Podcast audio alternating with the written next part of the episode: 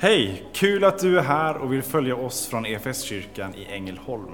Du kommer nu att få se eller höra en predikan från en av våra gudstjänster. Har du några frågor eller vill veta mer om oss som kyrka så kan du alltid gå in på www.efskyrkan.info. Vill du ha tillgång till mer undervisning eller ta del av våra inspelade konferenser eller gudstjänster gå gärna in på vår Play-kanal, efskyrkan.tv. Nu ska vi lyssna på denna veckas predikan. Tack Fader för att vi kan få lovsjunga dig alltid.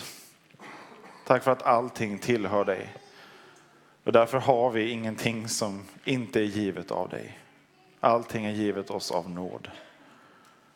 Och jag ber här att när vi, när vi möts av, av livet och slås till marken av, av vardagen och när vi upplever det som att att saker rycks ifrån oss, Herre, så ber jag att vi ska fly till dig.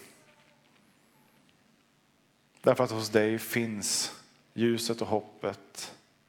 Hos dig finns tron på en Gud som inte överger utan som vandrar tillsammans med oss genom dödsskuggans dal. Som tröstar oss. Tack för att vi också när allting tycks hopplöst ur ett mänskligt perspektiv kan få gripa tag i hoppet som vi har i dig. Och veta att vi har i dig vår fullkomliga glädje. Genom allt.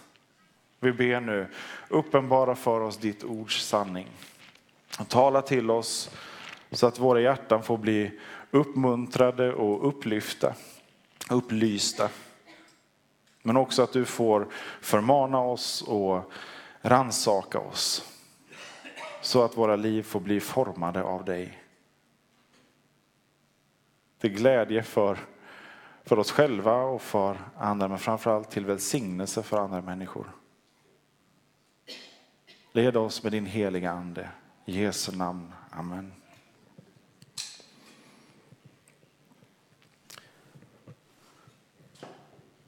Vad är det längsta du har väntat på något? Eller det längsta som du har eh, fått längta efter någonting? Det första minnet jag har av riktigt så här eh, svår väntan, då var jag kanske tre, fyra år och en kompis hos dagmamman hade en fantastiskt fin röd brandbil och en sån ville jag också ha. Och då sa mina föräldrar att det kan du få köpa själv. Då får du spara till det. Åh, vad det tog tid att spara till den. Men vilken glädje när jag väl hade den i händerna. Det kan vara stort för ett barn. Och sen så blir man vuxen och så inser man att ja, det där, den här lastbilen den mister ju sin glans efter ett tag och den går sönder och stegen går inte att skjuta ut längre och allt sånt där. Och så kommer andra saker istället. I flera år fick jag och min fru vänta på barn. Vi fick beskedet att vi inte kan få barn. En helt annan sorts längtan men också en väntan som var fylld av sorg, mörker och hopplöshet många gånger. Någonstans ändå i det så fick vi hålla fast vid hoppet om att Gud inte överger. Till slut så fick vi också välkomna några barn till vår familj. Nåd över nåd att få göra det. Men störst av allt, att Herren inte övergav oss i det. Han går med. Vad vi än går igenom så går Herren själv med mitt i det. Om det är så att det är en kort tid av, av smärta eller av väntan eller längtan eller om det är så är år efter år så går Herren med igenom det. Han ger kraft att, att kämpa och att hålla fast vid hoppet. Vi ska få fortsätta vår temaserie kring Filipperbrevet, glädjens brev.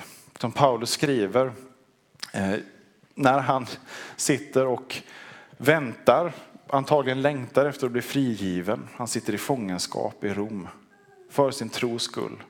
Men kanske är det också så att han anar att friheten den här gången inte kommer av att människor sätter honom fria utan att han dör. Kanske är det så att han har förstått redan att det är det som väntar. Och så skriver han om glädje gång på gång på gång och uppmuntrar församlingen i Filippi. Hoppas att han ska få komma till dem. Det är hans längtan. Men vi anar också en enorm ödmjukhet inför att Paulus inte själv är den som styr och ställer. Och så skriver han om vad han har fått tag Vi fick höra Mange predika förra veckan om, eh, om hoppet om att nå fram till uppståndelsen från de döda. Och så fortsätter Paulus skriva så här. Inte så att jag redan har gripit det eller redan nått målet. Men jag jagar efter att gripa det eftersom jag själv är gripen av Kristus Jesus. Bröder, jag menar inte att jag har gripit det än, men ett gör jag. Jag glömmer det som ligger bakom och sträcker mig mot det som ligger framför och jagar mot målet för att vinna segerpriset. Guds kallelse till himlen i Kristus Jesus. Så bör vi tänka, vi som är mogna. Och tänker ni annorlunda i något avseende ska Gud uppenbara det också för er. Låt oss bara hålla fast vid det vi har nått fram till. Bröder, ta mig till föredöme och se på dem som lever efter den förebild som ni har i oss. Det jag ofta har sagt er, det säger jag nu med tårar. Många lever som fiender till Kristi kors. De kommer att sluta i fördärvet. De har buken till sin Gud och sätter sin ära i det som är deras skam. Dessa som bara tänker på det jordiska. Men vi har vårt medborgarskap i himlen. Och därifrån väntar vi Herren Jesus Kristus som frälsare. Han ska förvandla vårt bräckliga hopp, vår, vår bräckliga kropp och göra den lik hans härlighetskropp för han har makt att lägga allt under sig.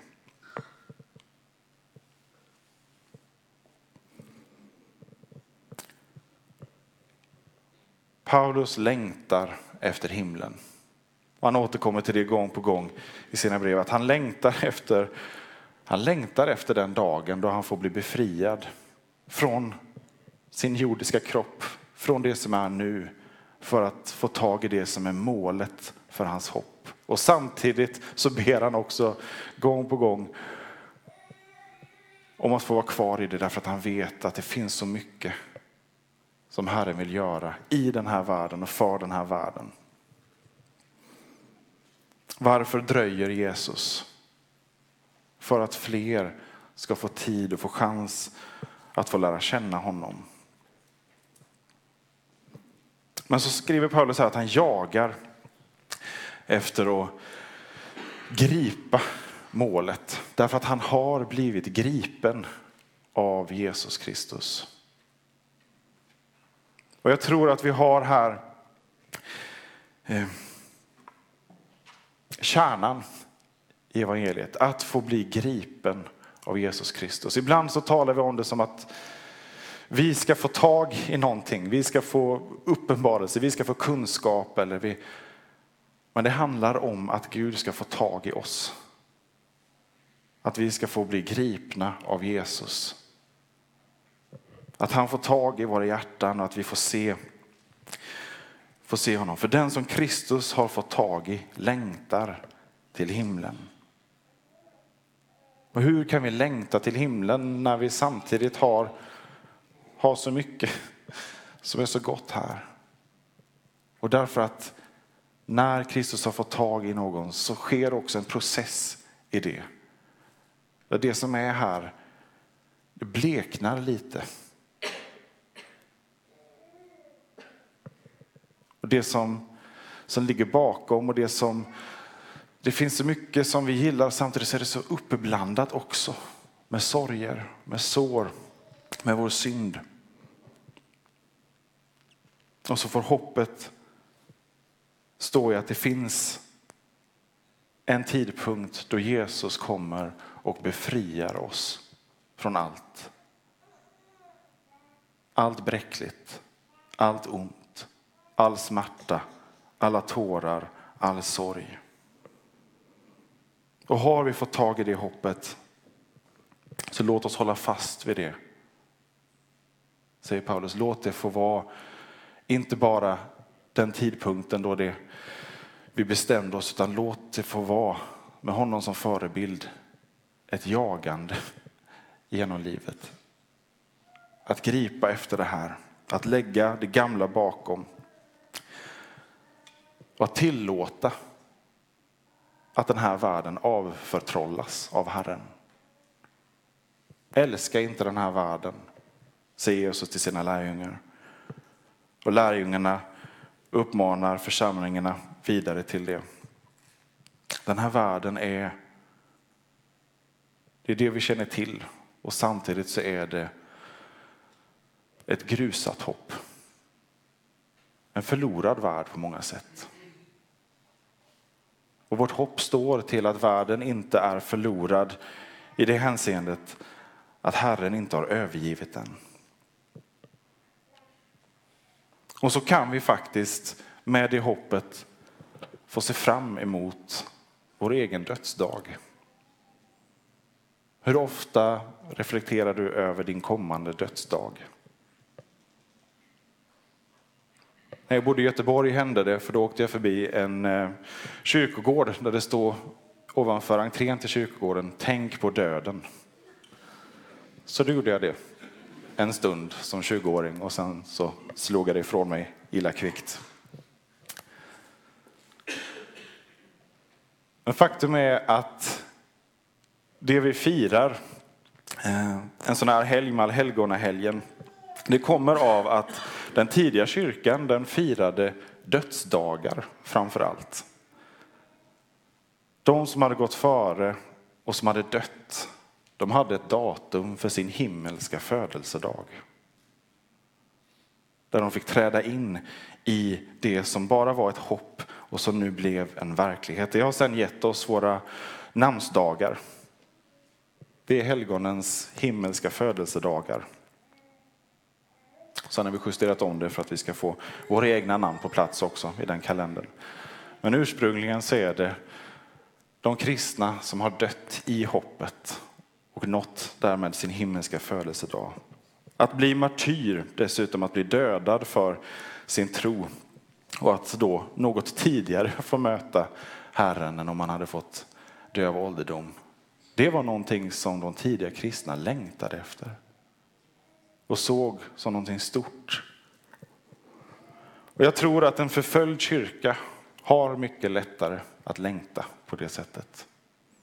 En kyrka som lever under hårt tryck från omvärlden och som får se sina jordiska tillgångar eh, beslagtagna eller förstörda. Nära och kära som kastas i fängelse eller som avrättas. Det är lite lättare då att också kasta av sig världen när den har visat sitt rätta ansikte. När det är hatet som, som reser sig mot kunskapen om Gud, mot allt vad sant och gott är, visar sitt rätta ansikte. Då ser vi också vad den här världen är. Vad synden ytterst gör när den får fullt utrymme.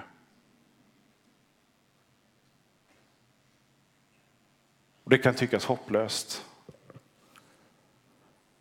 Men vårt hopp står till en Gud som inte bara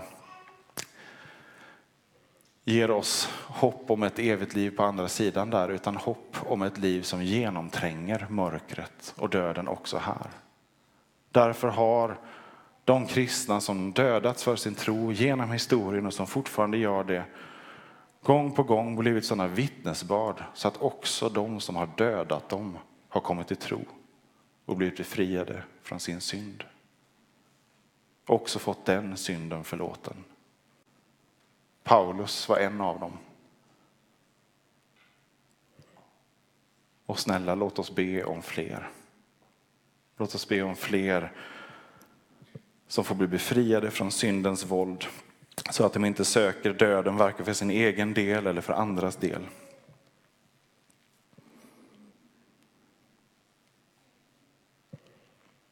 Så vad är vår längtan efter himlen i vårt samhälle, i vår tid, i vår kultur?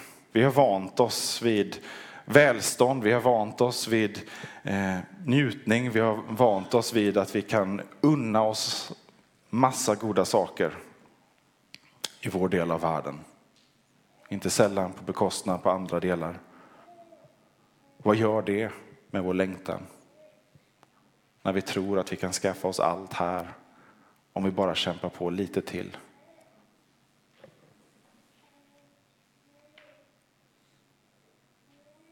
Längtar vi till himlen eller är det så att vi håller jordelivet så kärt och det som det har att erbjuda att vi missar målet?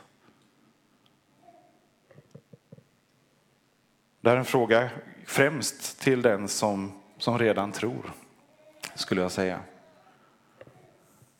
Om man inte är övertygad om att Gud ens finns, ja då, då är det ju den här världen med vad den har att erbjuda som finns.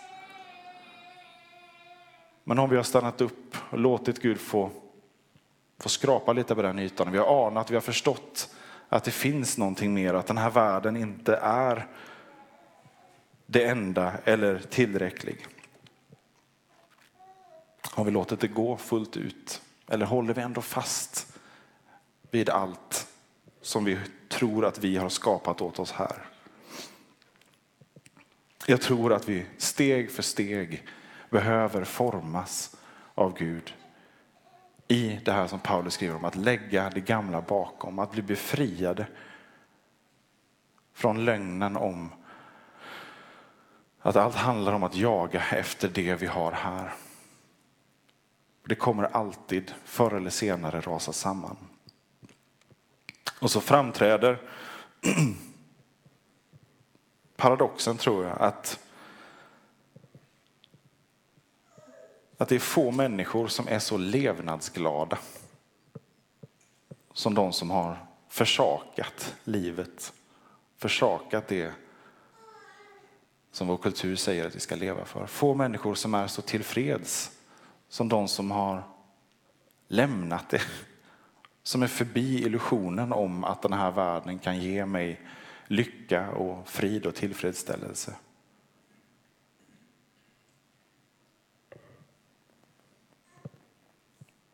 Och jag vet inte, få samhällen som är så förlorade i ångest och vilsenhet och hopplöshet som de samhällen som mänskligt sett har allt. Är inte det motsägelsefullt?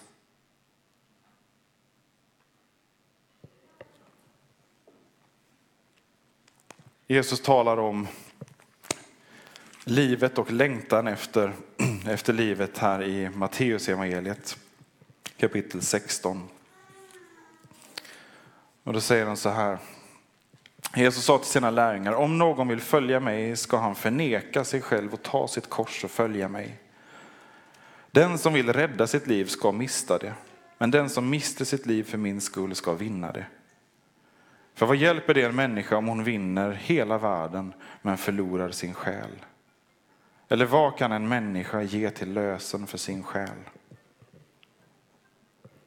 Vad hjälper det en människa om hon vinner hela världen men förlorar sin själ? Sann frihet att leva, att fullt ut leva, tror jag den har som inte längre har någon rädsla för döden.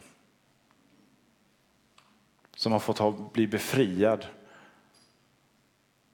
från fruktan, från rädsla av den fullkomliga kärlek som finns hos Jesus Kristus. Det är ett annat liv, en annan kallelse än vad den här världen är. Vi har ett samhälle som, som är så rädda för döden och så rädda för att dö. Så jag skulle säga att vi har blivit också rädda för att leva. Man rår om sitt, oroar sig ständigt. Vi skapar oss eh, försäkringar för, för allt. Det går inte att köpa en armbandsklocka för 129 kronor utan att bli erbjuden en försäkring specifikt för den klockan. För några hundra om året. Allt ska försäkras. Alla eventualiteter ska förutses. Och när de inte förutses, när olyckor sker, de möts ansvariga av en total oförståelse från omgivningen. Hur kunde du låta det här ske? Hur var det möjligt? Vilka rutiner brast? Missförstå mig inte. Självklart ska vi ha eh, riktlinjer för arbetsmiljö och säkerhet. Det har min chef Lennart eh, förklarat tydligt för oss. Det är bra. Men på samhällsnivå så tycker jag det vittnar om en enorm rädsla för döden ytterst sett. För det okända. Och som kristna är vi inte... Vi har fått tag i ett botemedel, men jag skulle säga att vi inte är immuna. Därför att vi lever mitt i det här. Och vi behöver få, få ta det här botemedlet gång på gång på gång. Evangeliet är inte, alltså evangeliet, de glada nyheterna om Jesus Kristus. Att Gud älskar den här världen så mycket att han ger den sin enda son för att var och en som tror på honom inte ska gå förlorad utan ha evigt liv. De goda nyheterna, det handlar inte bara om ett tillfälle av insikt när jag är någonstans i livet tillräckligt bräcklig för att gripa efter det här hoppet. Det är alltid för den kristne hoppet. Ibland så tänker vi på det här med att lägga sitt liv i Jesu händer som en det är liksom första steget. Sen så kommer massa andra saker jag måste lära mig som kristen. Hur man klär sig och beter sig och så vidare. Och så vidare. Och så halkar vi tillbaka in i världens sätt att tänka vad det är som avgör en gemenskap eller formar en gemenskap. Det som, som för oss in i tron, det är samma sak som hela tiden för oss framåt i tron. Mitt desperata hopp om att det finns räddning i namnet Jesus. Det behöver jag ropa efter hela tiden, dag efter dag, vecka efter vecka. Det fanns en pastor i New York som hade en otrolig förmåga att, att tala om evangeliet på ett sätt så att folk i New York förstod. Timothy Keller hette han. Han gick bort tidigare i år. Han flyttade hem till Herren. Och han talade om evangeliet just det som evangeliet ibland behandlar vi som ett, ett ABC, alltså grunderna i kristna tron. Sen så kommer massa avancerade bönemetoder och grejer. Men evangeliet är inte ett ABC, det är A till Z som han då säger som amerikan, eller A till Ö. Det är hela grejen. Evangeliet om Jesus Kristus, det ger oss språk för hela livet. Att hoppet finns när vi i vår bräcklighet ropar efter honom. Det gäller för varje dag och för varje skede i livet. Och Paulus vet vad det är att vara bräcklig. Paulus vet vad det är att vara svag. Han vet vad det är att lida. När han säger ta mig till förebild så är det en Paulus som vid ett annat tillfälle berättar att han fem gånger har blivit piskad med 39 stycken piskrapp. Tre gånger har han blivit piskad med spö. En gång har han blivit stenad. I tron att han var död lämnar de honom, men han reser sig och går. Tre gånger har han lidit skeppsbrott. Ett helt dygn har han flutit omkring på öppet hav. Han har råkat ut för rövare, han har råkat ut för svekfulla, falska bröder som han trodde att han hade med sig. Han har ofta legat vaken om nätterna. Han har varit hungrig, han har varit törstig, han har varit frusen, han har varit naken.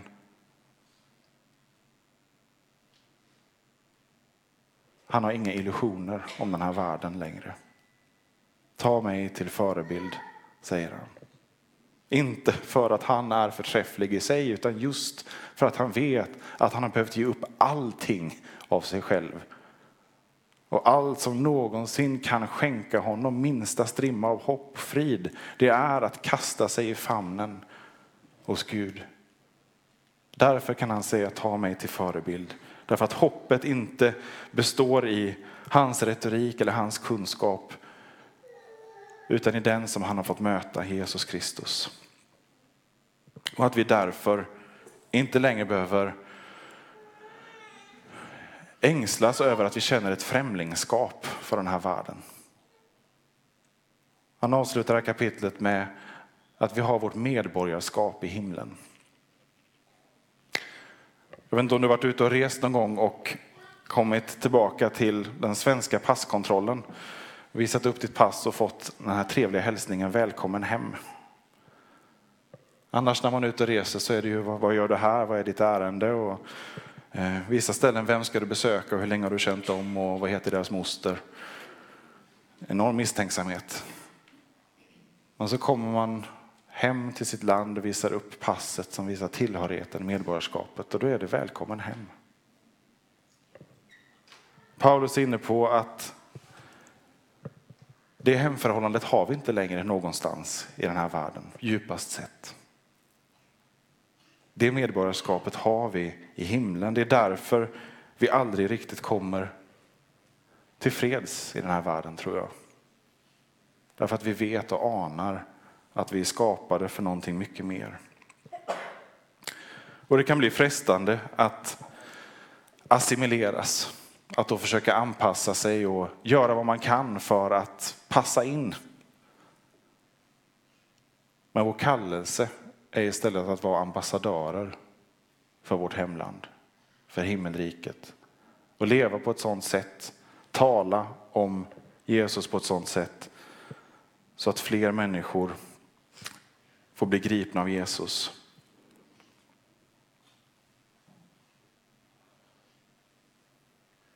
Och det kommer en dag när vi får plocka upp det här passet. Det himmelska passet med dopets vattenstämpel. Visa upp det och så får vi mötas av en röst som säger välkommen hem. Och jag tror och är övertygad om att vi då för första gången kommer förstå hur det känns att komma hem.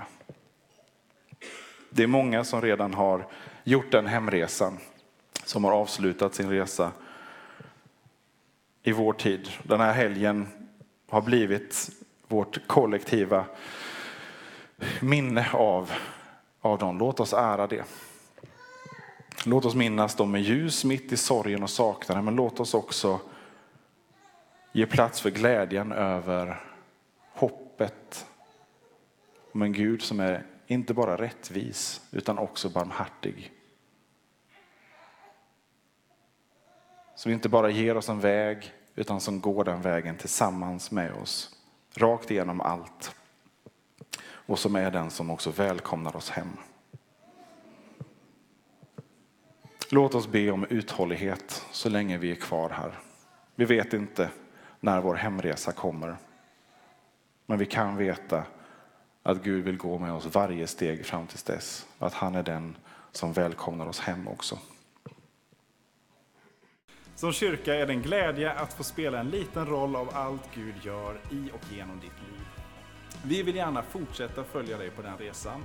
Och vill du ta reda på vad ditt nästa steg kan vara på din resa med Gud så gå in på efskyrkan.info nästa steg.